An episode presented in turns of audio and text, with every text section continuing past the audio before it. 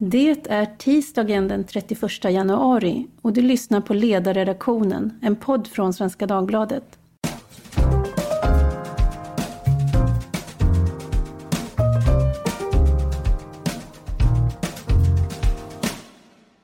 Jag heter Tove Livendal och idag är min gäst Emma Jodet Wettergren. Hon är faste till Luna, nu 10 år, som i somras fick sitt liv helt kullkastat. Välkommen Emma! Tusen tack för att jag får vara med.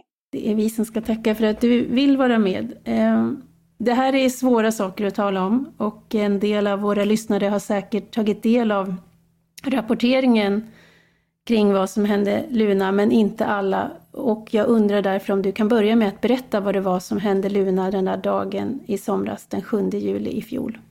Mm. Hon lämnade sitt fritids ungefär kvart över tre och eh, det var hennes sista dag innan sommarlovet skulle börja. Och eh, dagen efter skulle vi samlas på, ja, på hennes pappas sida då, i Tornedalen och eh, ja, fira sommar tillsammans. Men hon kom aldrig hem välbehållen. Eh, någonstans längs den här vägen så stöter hon på den här gärningsmannen och han släpar in henne i skogen han misshandlar henne eh, mot ansiktet, men han slår henne med pinnar. Han sliter av henne alla hennes kläder. Eh, han våldtar henne. Eh, och sen så eh, slutar det hela med att han stryper henne med hennes egna skosnören.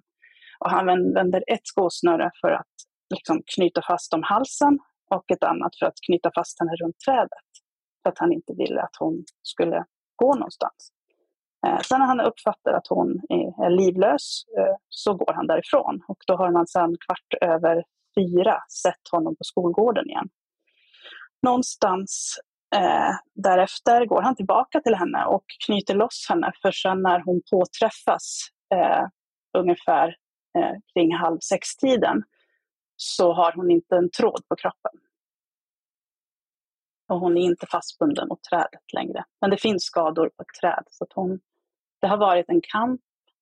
Eh, det som har framkommit har framkommit genom gärningsmannens berättelse och den är inte alltid helt sammanhängande. Den är inte uttryckt med något utvecklat språk på grund av de svårigheter som han har.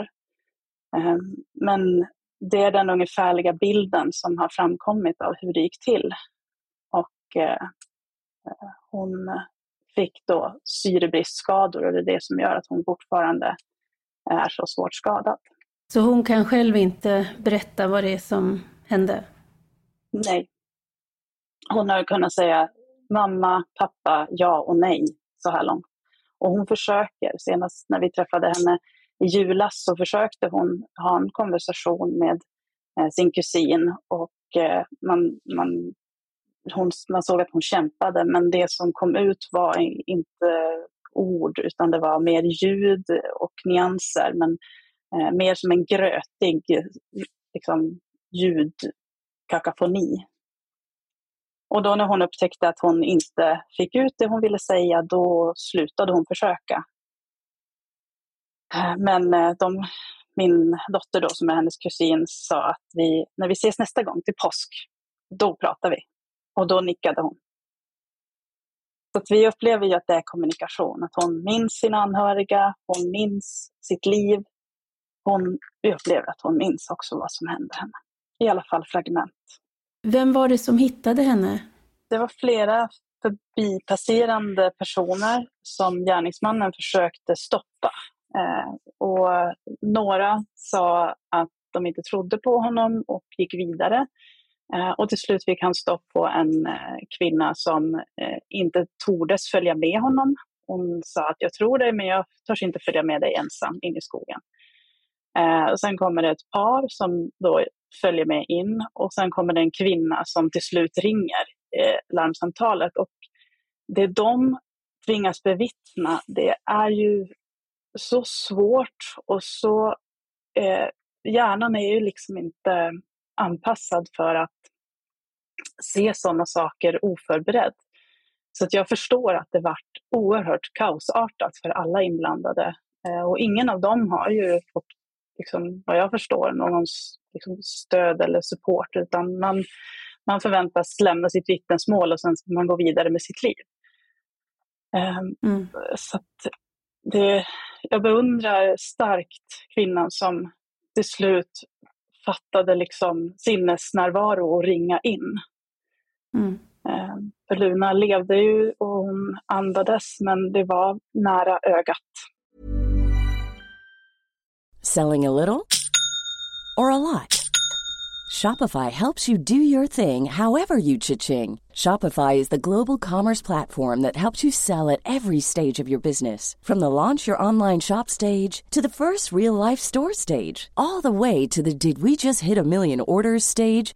Shopify is there to help you grow. Shopify helps you turn browsers into buyers with the internet's best converting checkout. 36% better on average compared to other leading commerce platforms because businesses that grow grow with Shopify. Get a $1 per month trial period at shopify.com/work. shopify.com/work.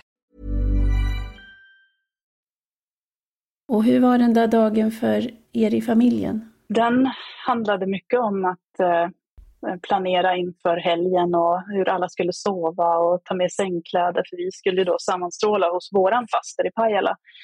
Och eh, ja, så att alla skulle få plats och eh, liksom hjälpas åt. Eh, och sen skulle vi då gå ut och käka pizza. Eh, och när vi då står eh, mitt i byn och funderar var vi ska gå och äta pizza så ringer min bror till min mamma och säger att de har hittat en flicka, och, men hon andas. Det är de orden han får ur sig. Och vi kan liksom inte, det går inte att tro att något så här fruktansvärt kan hända, utan vi tänker ju att men, är det, är det Luna? Vad, har hänt? Eh, har hon brutit benet?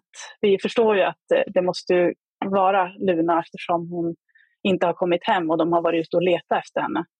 Och de vet att hon har lämnat fritids. Så att hon, hon är ju en person som gör det hon säger. Hon, ska hon komma hem så kommer hon hem. Så det, är ju, det är många timmar av ångest.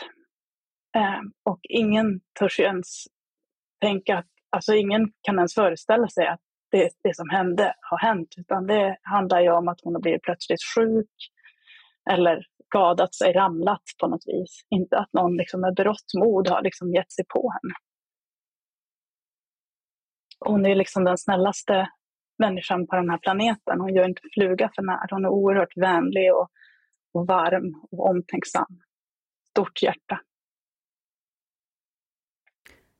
Eh, Eh, hur är det att prata om det här? Eh, det känns viktigt att föra hennes talan eftersom hon inte själv kan eh, prata ännu. Jag hoppas att hon kommer kunna med egna ord beskriva i framtiden. Eh, och jag känner att om jag hade varit i hennes sits så hade jag velat att någon hade fört min talan. Och därför känner jag att det blir min skyldighet att, att vara hennes röst, vikariera hennes röst i hennes ställe så länge hon behöver det. För att jag ska orka leva med mig själv.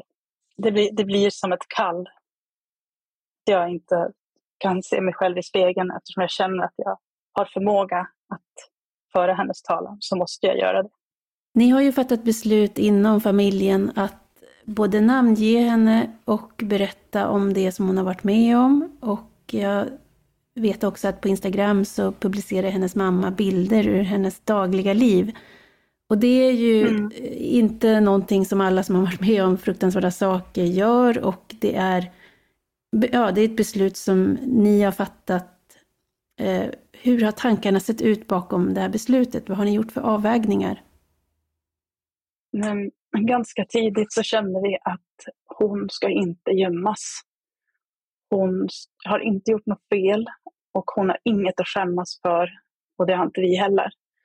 Och den integritetskränkningen som själva brottet innebar, eh, den kan omöjligt bli värre genom att berätta varför det hände och hur det hände. Eh, och vi vet att hon också är en person som tycker om att synas och som har ett stort rättspatos och vill att det ska, det ska vara rättvist och rättvisa ska skipas. Liksom. Och det finns ingen rättvisa i att hon inte får göra sin röst hörd. och sin berättelse visad. Jag ska säga att när jag såg först Instagramkontot så ja, jag, jag var fundersam. Och så, man går till sig själv och funderar, hur, hur kommer jag att reagera? Mm. Eh, jag tycker ju att det mm. är... Eh, eh, ja, det jag har sett är ju bilder som för det mesta skildrar en, en väldigt glad flicka utifrån, mm. alltså, i den situationen han är nu. Det senaste såg man en bild, någon hade varit med sin syster på Leos lekland. Och man kan göra sånt här saker på olika sätt för egen del. Så jag, jag hade då den här funderingen, är det här verkligen rimligt? Men samtidigt så kände jag att nej, jag, jag kan köpa den, den tanken, att inte gömma undan henne.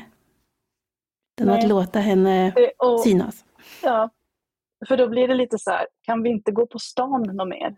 Kan vi inte resa bort något mer? Alltså, för att någonstans är det ju väldigt många som vet ändå.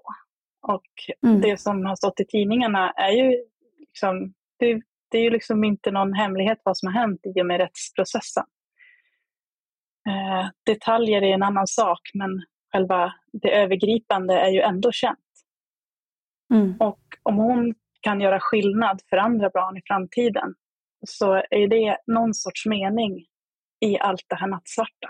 Vi ska också prata om gärningsmannen eh, därför att Expressen har kartlagt honom. Han var 15 år och han har nu dömts då till rättspsykiatrisk vård med särskild utskrivningsprövning för både grov våldtäkt mot barn och mordförsök. Och, eh, Expressen har berättat att han kom till Sverige från Etiopien 2018. Han fick tillfälligt uppehållstillstånd med sin mamma och sina syskon och då gjordes ett fel för att han bokfördes som nio år trots att han egentligen var elva. Eh, det här var någonting som har kommit fram att det fanns personal på skolan som visste om att den här åldern inte stämde men det har inte korrigerats förrän nu då. Eh, det vi också känner till är att pojkens pappa bara har besökt familjen då och då. Mamman har under långa perioder varit ensam med deras barn. I skolan så har pojken haft extra stöd av en elevassistent. Eh, och eh, i september 2019, då kom de första larmsignalerna, då var det en lärare som anmälde att pojken i klassrummet hade kallat en flicka för hora. Och vid ett annat tillfälle rapporterades han ha slagit en annan elev på rumpan och i slutet av månaden igen då en ny anmälan. Då skulle han ha slagit en elev på rumpan och tafsat på en flickas bröst. Och den enda åtgärden som blev av det var att pojkens föräldrar kontaktades ett halvår efter eh, den här händelsen. Det har också kommit fram att pojken för tre år sedan genomgick en psykologisk utredning där han bedömdes ha en intellektuell funktionsnedsättning. Så under de senaste två åren så gick han då på en grundsärskola. Eh, det har också kommit fram att i slutet av juni 2021 då överfölls en kvinna vid en gångtunnel ganska nära den plats där Luna blev överfallen, men hon lyckades ta sig loss. Hon kunde då med hjälp av, vad jag förstod, skolfotkataloger peka ut den här pojken som gärningsman, som vid den tidpunkten gick för att vara 11. Och då avslutades det, den utredningen, polisutredningen, med att ärendet överlämnades till socialtjänsten. Och det är den gängse ordningen när en misstänkt inte är straffmyndig. Så, och, och där hade det då sannolikt inte gjort något skäl om han hade bedömts vara 13 som han då de facto är. Men det är väl det vi känner till i dagsläget. Eh, Emma, vad tänker du om det här? Det finns ju naturligtvis också ett, eh, en migrations och integrationsdimension i den här soppan. Eh, jag känner att vi välkomnar Sverige, eller människor till Sverige och utan att varken ta hand om, ställa rimliga krav med samma förväntningar som vi normalt har på våra medmänniskor vi står inte heller upp för de som är mest utsatta och i det här fallet är det barn som eh, är det. Och eh, då har man liksom på något vis haft en naiv särbehandling. För jag tror inte att man hade accepterat föräldrarnas nekande av eh, hjälp och insatser från socialtjänsten om man hade varit en etnisk svensk pojke. Och eh, om, för mig så känns det som att både samhället och föräldrarna har tillåtit honom att bli en förövare. Och eh, jag har ingen som helst sympati för varken honom eller hans föräldrar. Men de, är båda, de bär båda ansvar. Både gärningsmannen och föräldrarna bär ansvar för det som har hänt. Och samhället i andra hand att man eh, har varit för rädd, att socialtjänsten, som jag upplever det, har liksom varit för rädd för att bli stämplad med fel värderingar. Eh, och det, det här är konsekvenserna av det. Och bevisligen är det livsfarligt att särbehandla människor. Vad känner du inför gärningsmannen?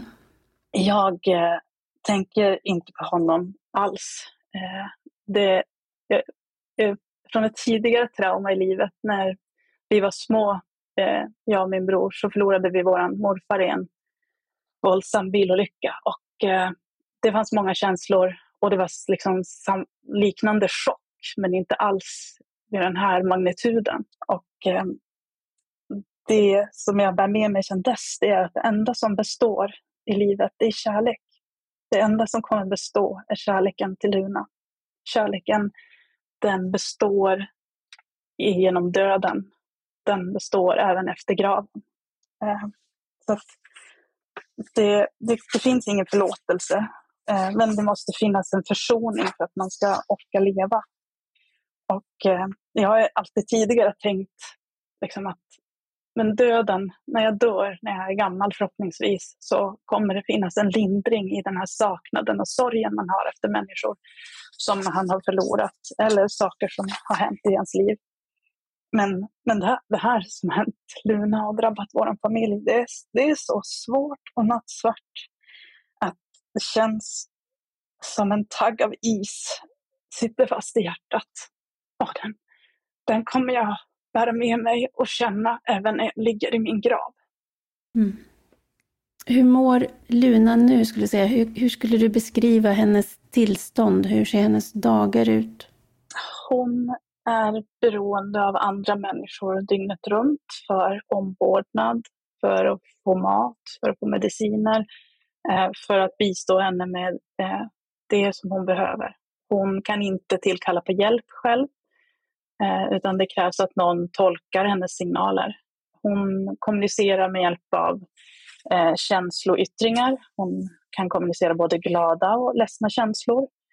Eh, och ibland så lyckas hon säga några få ord. Och då är det mamma och jag och nej och pappa som har kommit så här långt. Eh, men det är ju vår förhoppning att hon ska kunna, kunna prata. Det hade ju underlättat för henne själv och eh, att hon ska kunna bearbeta sitt trauma. Eh, för just nu så eh, går ju den psykologiska rehabiliteringen mycket till ut på att man skapar trygghet och skapar sätt att hon får känsla av kontroll och kan välja eh, det som presenteras för henne med att vrida på huvudet eller eh, liksom, ja, skratta eller så. Eh, och, och vad, vad, säger eh, eh, läkarexpertisen? Finns det någon prognos eller diagnos för hur hennes liv kommer att bli. Jag tänker den här, den här sy syrebristen, i vilken mån är de här skadorna som den syrebristen gav, hur, alltså är de irreparabla eller kommer man, ja, vad, vad, vad ser, hur, vad tror man? Det är, ingen, det är ingen läkare som vågar säga så mycket och det är ju på ett sätt bra för då behöver man inte bli besviken när förväntningarna inte infrias vid ett exakt datum. Eh, men det är också oerhört påfrestande att eh, leva i sorts limbo där det inte går att säga hur, hur hon kommer må om ett år eller fem år eller tio år. Man tror ju att hon kommer att återhämta sig mer, men vad det innebär, det vet ingen. Hur skulle du beskriva hennes personlighet så som den var innan överfallet? Hon är en konstnärssjäl med ett stort mått av tålamod. Hon kan förlora sig i leken och i, i skapandet av både eh, sång och dans och eh, teckningar och måla, skulptur, allt sånt kreativt. Eh, hon är väldigt varm och vänlig och har alltid liksom vänt sig till de små barnen först i ett sällskap. Eh, och liksom sett deras behov först. Eh, och djurvän eh, ut i fingerspetsen. Och det märks ju såklart väldigt starkt nu när hon får träffa hundar. Hon blir oerhört glad och trots medicineringsfiltret så, så bryter det igenom hennes glädje och hennes liksom, djurkärlek. I familjen har ju fört fram förslaget om en lex Luna. Vad innebär den och vad är det ni hoppas kunna, ska kunna förändras med en lex Luna?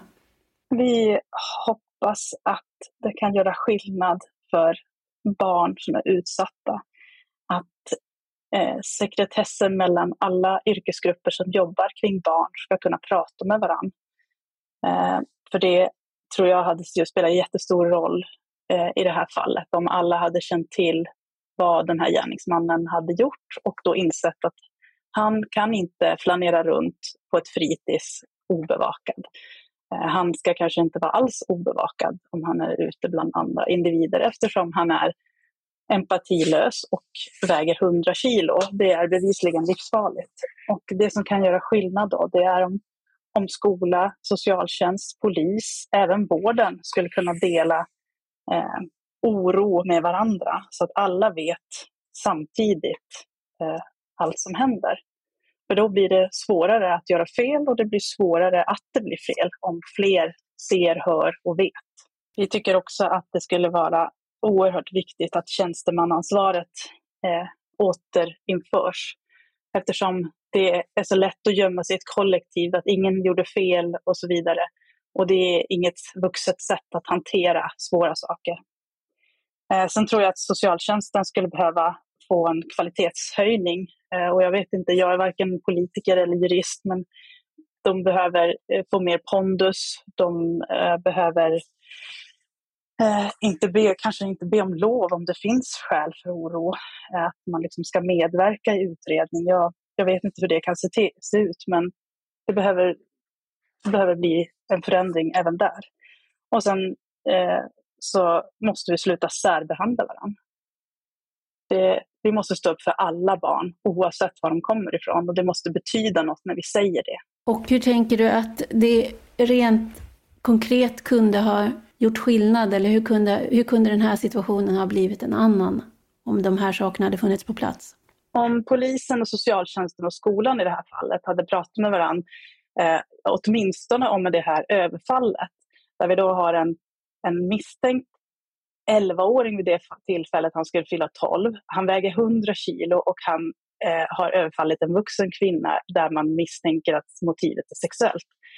Att om man hade delat det med varandra och eh, prioriterat både barnens säkerhet på skolorna och även eh, personalens säkerhet, då hade man ju inte låtit han flanera runt ensam eh, på skolgården på det där sättet eller utanför fritids.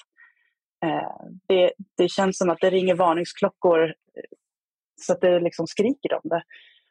Jag får inte heller liksom uppehålla mig på skolor och förskolor där jag inte har liksom anledning att vara för att jag är barn på de enheterna.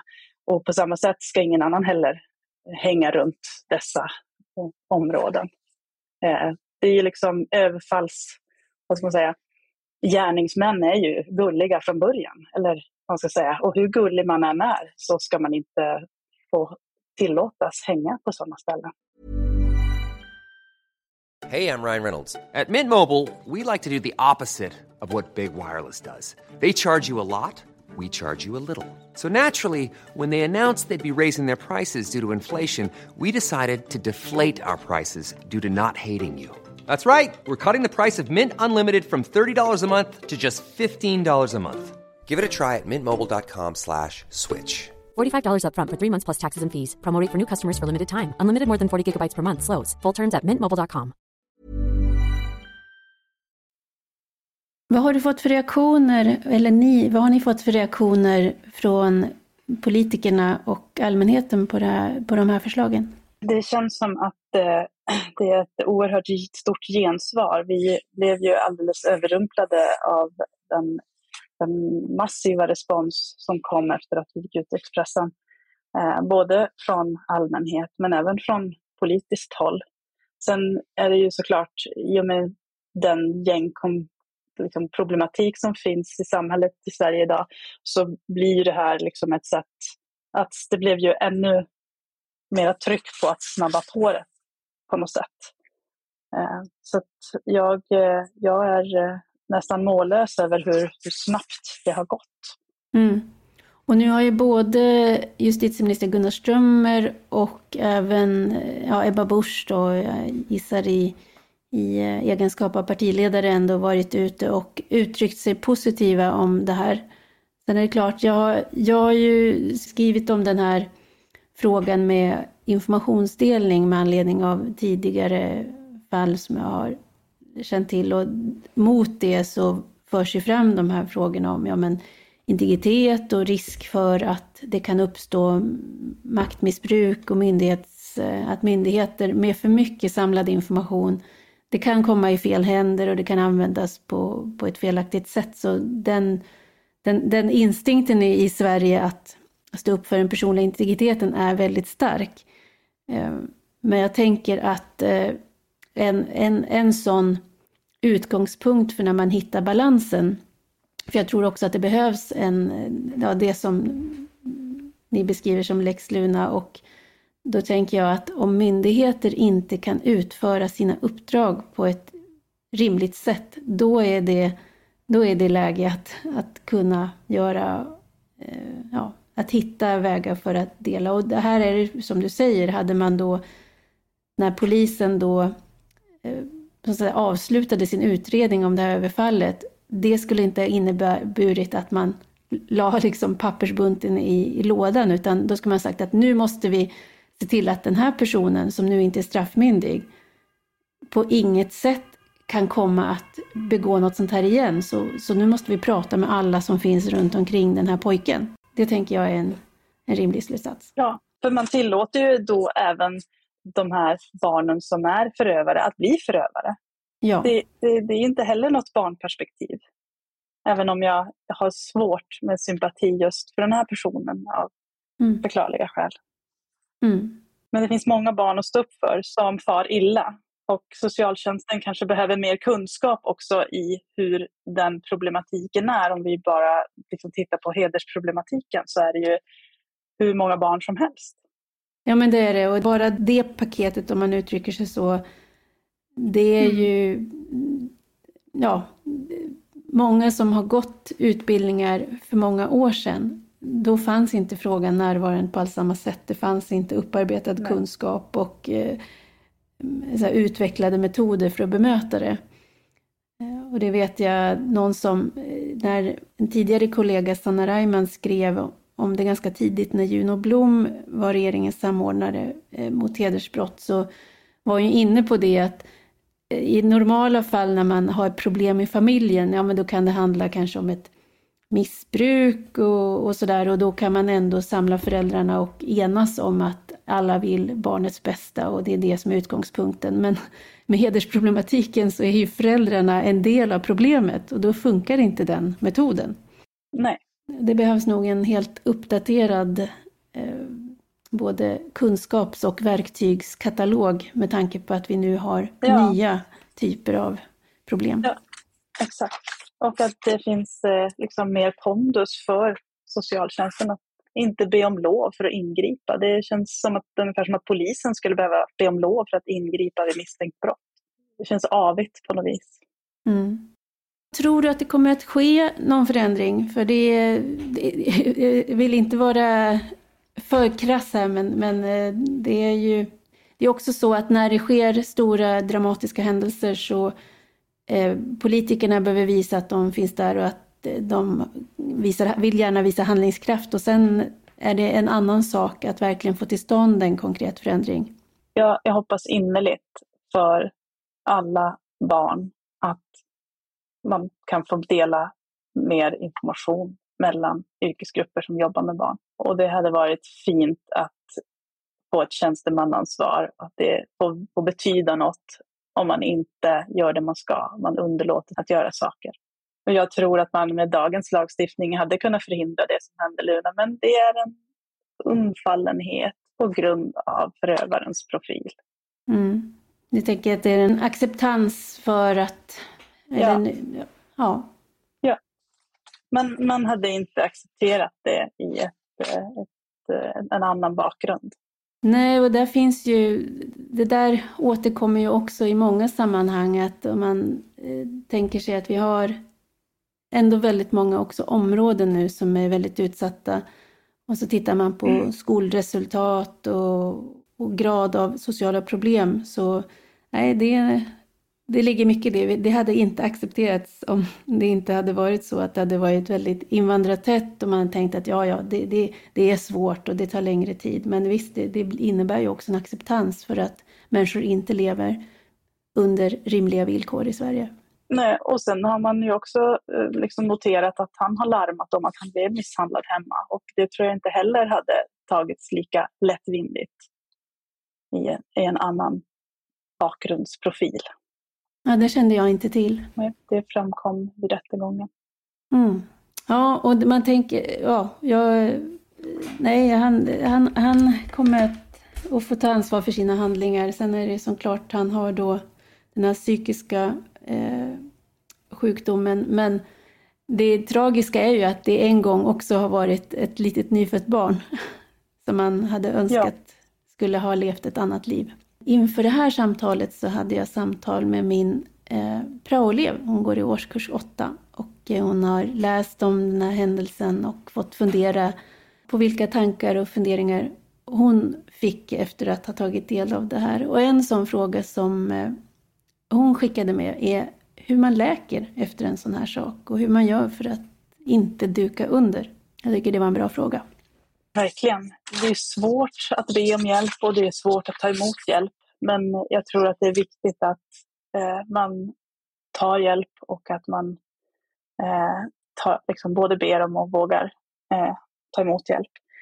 Eh, för min del har det varit samtalsstöd. Eh, helt ovärderligt för att kroppen ska kunna läka. För att i en sån här chock så slutar kroppen att fungera. Man slutar kunna sova normalt, man slutar kunna äta. Man, eh, eh, ja, det är massa konstiga symptom som man inte trodde att man kunde råka ut för. Eh, men med samtalsstöd så läker kroppen i alla fall. Eh, även om sorgen aldrig går att liksom lindra så, så kan kroppen i alla fall få fungera. Man kan få sova på nätterna. Det är ju också så att hon, eh, bara det, den upplevelse som hon tvingades utstå, bara det är för mig eh, livshotande, dödligt. Men hon på något vis kämpade sig igenom det och vägrade dö. Och därför så måste vi leva för henne så som hon eh, har kämpat för att leva med oss.